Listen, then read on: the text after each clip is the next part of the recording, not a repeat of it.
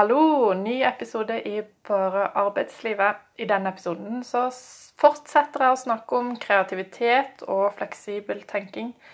Leonard Mlodinov påstår at vår evne til å tenke oss forbi hindringer i dagens samfunn, altså det å tenke frem nye måter å gjøre ting på, ikke lenger bare et krav for å kunne få til utstående resultater. I dag er det mer og mer et krav for å kunne overleve, intet mindre. Altså, for å overleve i dagens samfunn må du være fleksibel i hodet. Jeg vil også snakke om åpne kontorlandskap. For er dette roten til alt ondt? Mitt navn er Hege Helvik, og jeg er utrolig engasjert i arbeidslivet. Send meg en mail hvis du har erfaringer eller innspill på arbeidslivet.hotmail.com. I denne episoden vil jeg snakke om kreativitet og åpne kontorlandskap. I forrige episode så la jeg frem tre bud om kreativitet. Nummer én du må lete andre steder enn der du vanligvis er. Tverrfaglighet er en god kilde til kreativitet. Nummer to du blir potensielt mer kreativ jo eldre du blir. Du blir altså aldri for gammel for dette her. Og nummer tre du kan ikke google deg til kreativitet det fins ikke ute på det ville web, det fins inni hodet ditt. Og på tampen av episoden så snakka jeg også om at ikke det er mulig å bestille kreativitet.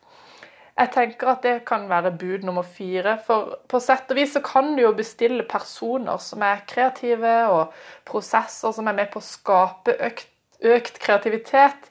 Men den kreative løsninga den ender opp med, er ikke nødvendigvis den du bestilte.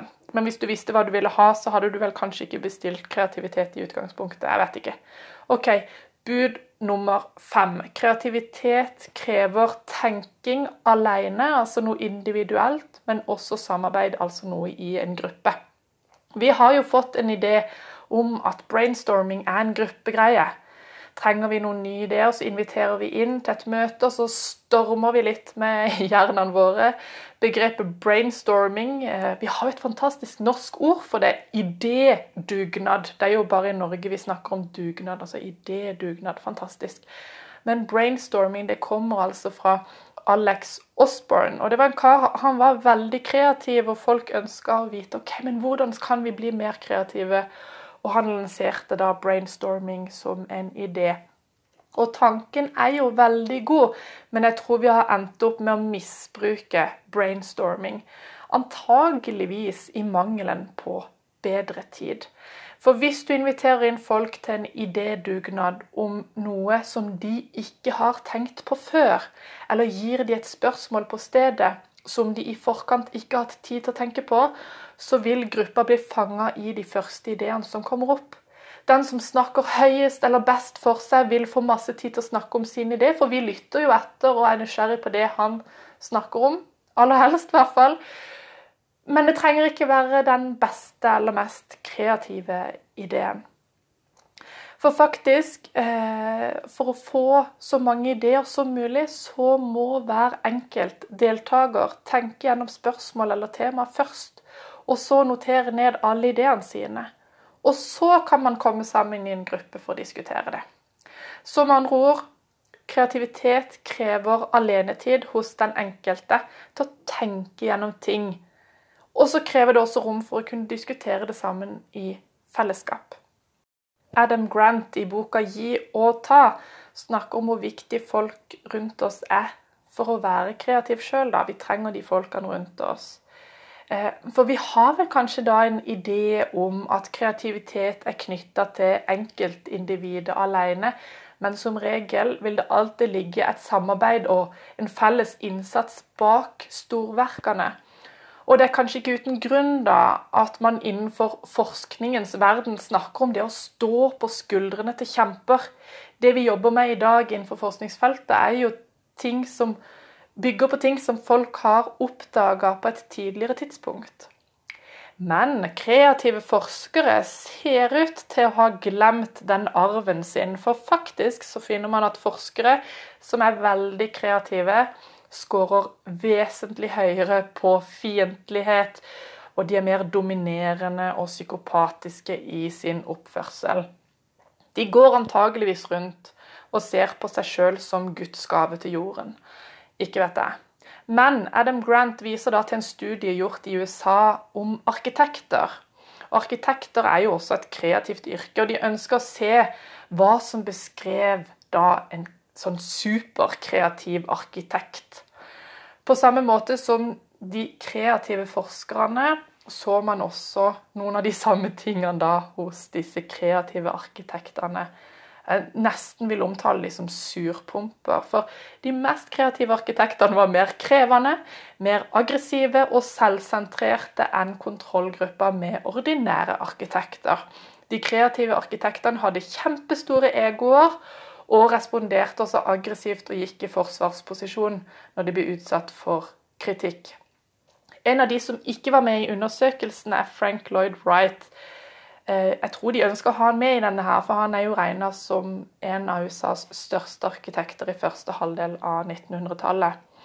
Og han ble jo liksom sett på som en veldig kreativ person da innenfor arkitektstyrket.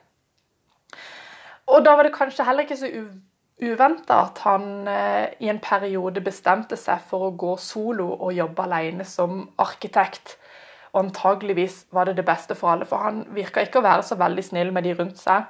En gang så hadde han lova sønnen sin en betalt jobb som assistent på flere av arkitektprosjektene sine. Men da sønnen etter en stund ba om lønna si, så sendte Wright han en regning som spesifiserte hva sønnen hadde kosta han i løpet av livet, fra den dagen han ble født til den spesifikke dagen som han da hadde håpet på å få litt lønn. Ikke verdens snilleste kar, dette her, altså. Og han satte jo heller ikke kundene sine i sentrum. Han leverte ikke på tida, han leverte heller ikke det de ba om. Han ga dem noe annet og overbeviste de om at det var det de egentlig trengte.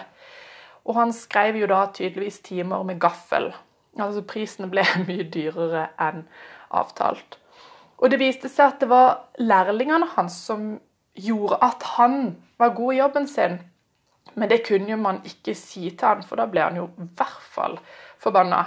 Så da han etter flere år hadde jobba alene og ikke fått til et eneste prosjekt, så var det Han var så nær å gå personlig konkurs. Da fikk han beskjed av kona si om å knytte til seg noen lærlinger igjen. Og da gikk det jo bra med Wright. Men han ville jo absolutt ikke innrømme at det var takket være lærlingene at dette her gikk bra. Eh, det var mange av de som ikke fikk betalt, og de måtte også vaske og lage mat for han. Og da han fant ut at kunder heller ville ha lærlingene fremfor han, så forbød han også disse å ta oppdrag ved siden av jobben eh, når, jobbet, når de jobba hos han. Adam Grant bemerker at det karrieremessig gikk ganske dårlig med de fleste av lærlingene til Wright.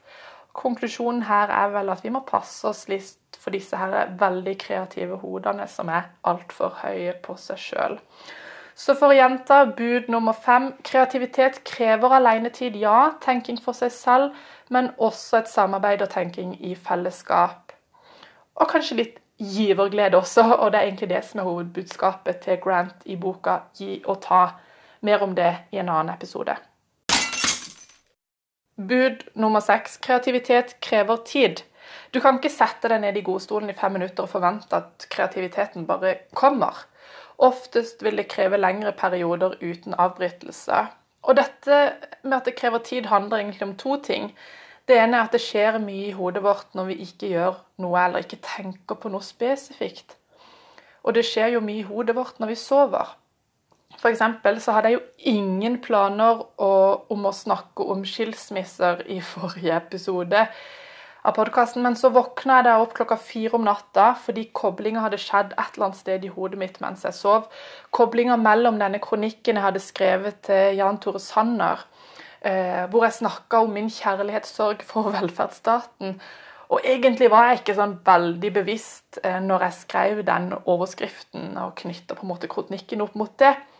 Samtidig så har jeg jo da i andre settinger snakka med mange som har gått gjennom samlivsbrudd, sykdom og død, og hvor det er et mønster hvor vi prøver å jobbe oss ut av disse vonde følelsene. Og da klokka fire om natta mens jeg sov, så kobla da hjernen min disse to tingene sammen. Og Jeg vil jo ikke påstå at det er noe som er veldig revolusjonerende med at man våkner om natta og får en idé. Og det fins vel mer enn én TV-serie som har vist at folk har skrevet ned supergode ideer om natta på en papirlapp og ikke skjønt bæret av det når de våkner opp neste dag. Og kanskje er det nettopp denne her komboen, da. Altså min egen idédugnad eh, og vissheten om at jeg kan glemme ideen eh, om morgenen, som gjør at jeg ligger så mye våken om natta. Det sies at eh, forfatteren bak Frankenstein, Mary Shelley, for 200 år siden fikk ideer om natta mens hun hadde en såkalt avslappa sinnstilstand. På det tidspunktet var hun 18 år og tilbrakte sommeren i Sveits med familie og venner. og De hadde fortalt hverandre spøkelseshistorier og blitt enige om å skrive hver deres historie. Hun hadde grubla masse frem og tilbake og ikke klart å finne på noen ting helt til hun da hadde latt hodet sitt slappe av midt på natta da plutselig falt ideen ned i hodet på henne. Som Leonard Mlodinov påpeker, vår evne til fleksibel tenking er ikke en linær sett av steg vi tar fra A til B til C. Vi går steg for steg når vi er analytiske, men ikke når vi er kreative eller fleksible. Og ideene kan jo variere. Noen ganger er ideene våre store, noen ganger ulogiske, motsigende. Noen ganger kommer ideene i grupper, og noen ganger alene. Men det kan liksom synes som at ideene bare kommer. Poff, så er de der. Poff, så er vi kreative. Men ideene kommer ikke fra ingen steder. De er jo produsert i vår ubevisste sinn. Jeg vet ikke om vi tror at vi må være aktive i hodet hele tida for å utvikle oss, eller om vi har så mange muligheter i dag at vi stimulerer oss sjøl med alt mulig hele tida, sånn at vi ikke gir hodene våre tid og sted til å være stille, være litt sånn ubevisste. Men antageligvis så er det mer viktig enn noen gang å skape tid og rom til å tenke litt sjøl, eller ikke tenke i det hele tatt. Og jeg syns jo det er ganske morsomt da, at Leonard Mlodinov også snakker om hjernens standard, altså den default mode. Når vi ikke bruker hodet, så er det altså de tingene som skjer der, eh, som skjer der likevel. De som har hørt episode nummer åtte hvor jeg spør om vi er elendige på fritid, har kanskje fått med seg at Mihai Csikszentmihalyi også snakker om hjernens standard eller default mode, og at hans teori er at vi, hvis vi ikke fyller tida vår med noe, vil sitte og gruble på våre egne problemer. Jeg er ikke godt nok likt, eller jeg er ikke bra nok. Alle disse greiene.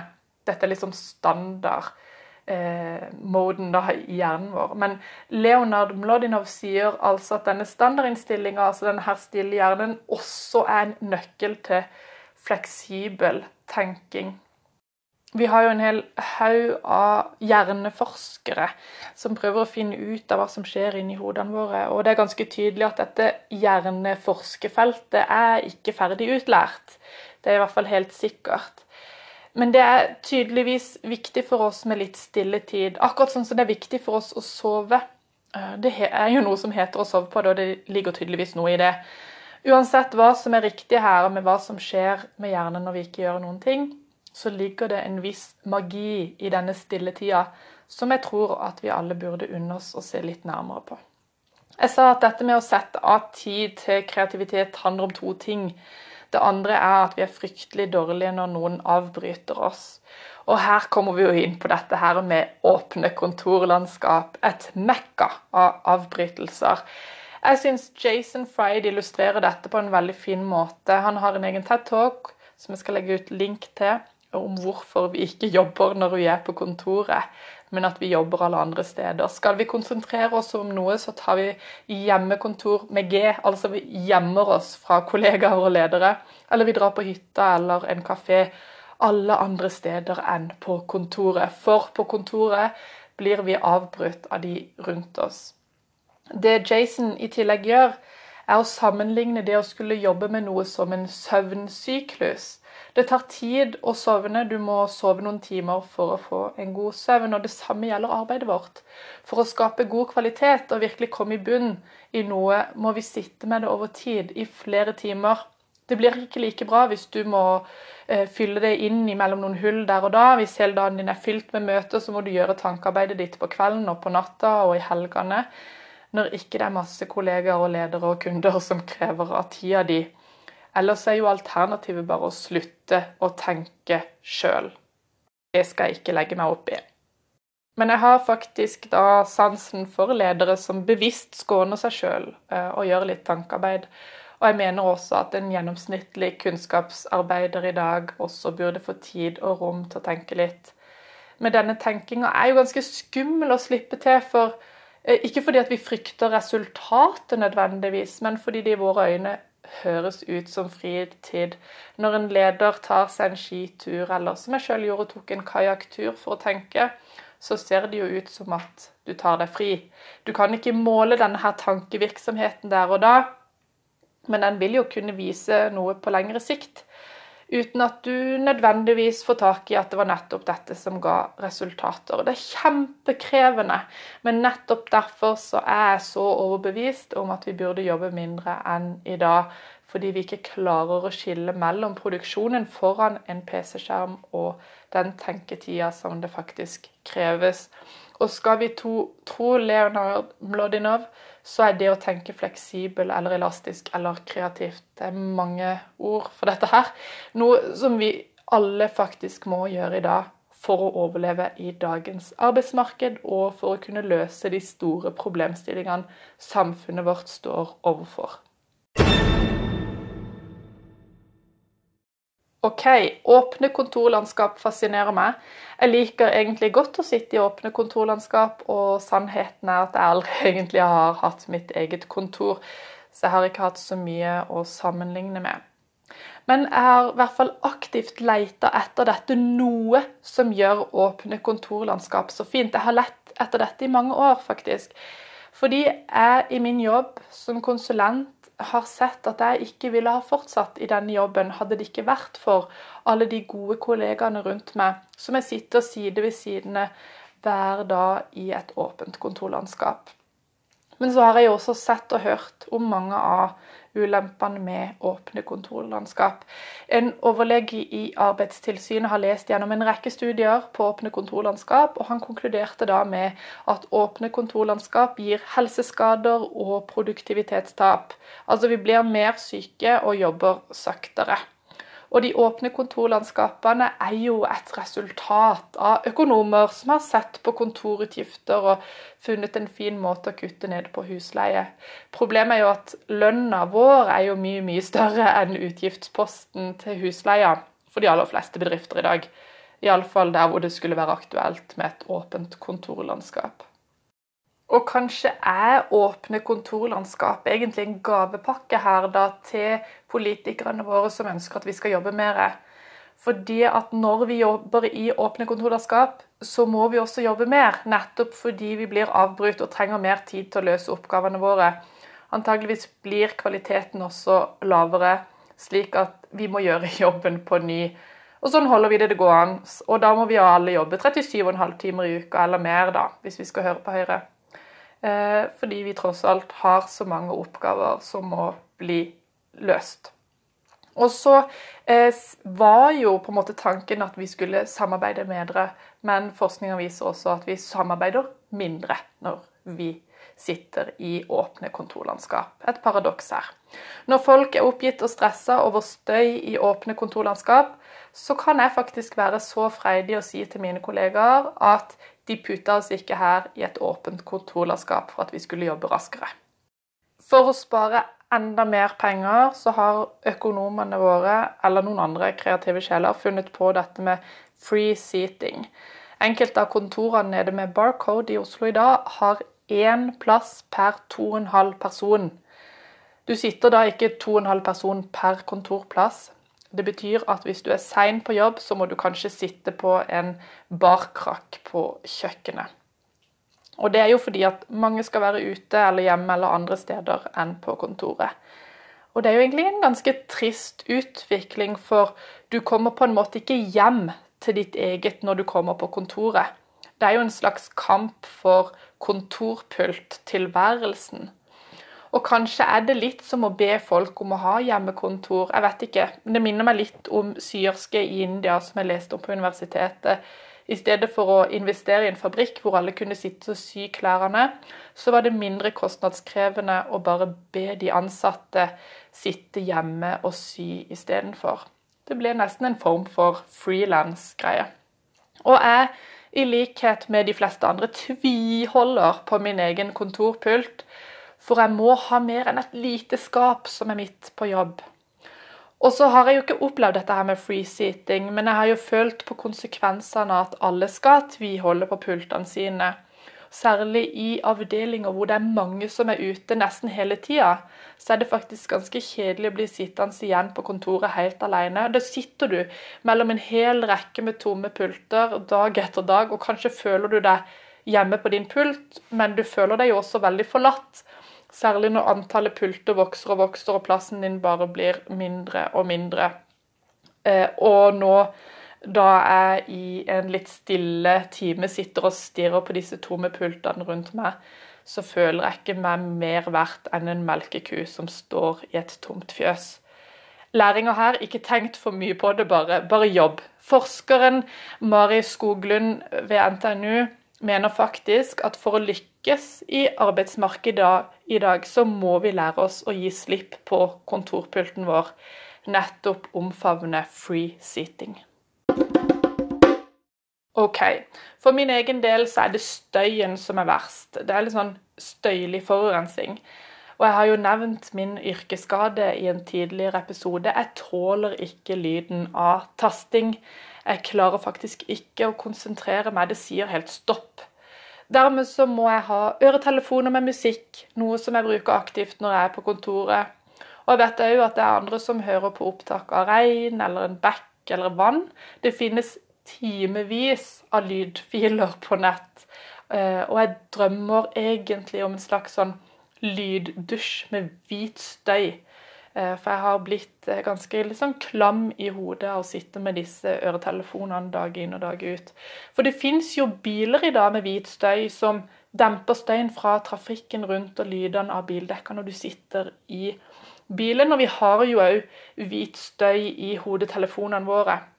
Derfor så bør det jo ikke være så innmari vanskelig å lage en lyddusj med hvit støy som kan stå over kontorpultene våre.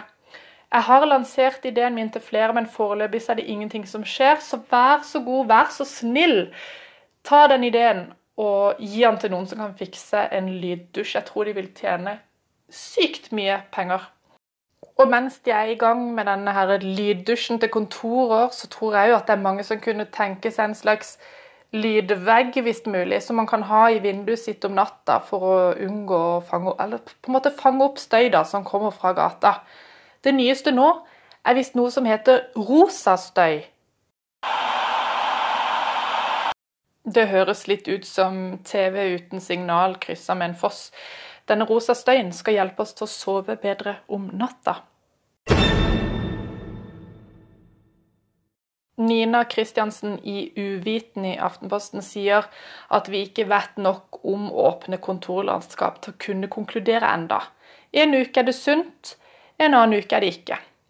Så kanskje er det ikke akkurat hvilken kontorpult du sitter på, hvor eller hvordan den står, som er problemet. Kanskje er det så mye annet. Vi bare har et symptom her som vi må løse. Mitt eh, siste ord i denne saken er definitivt ikke sagt. Takk for at du hørte denne episoden. Neste gang så vil jeg snakke om oppkjøpsmonsteret, eller hva man skal kalle det. I dag er det en tanke om at bedrifter skal spise eller bli spist. Hvis du ikke kjøper opp noen, så blir du fallende etter og går til slutt konkurs. Men hva gjør det med oss ansatte? På både godt og vondt. Det vil jeg snakke om neste gang. Hei så lenge.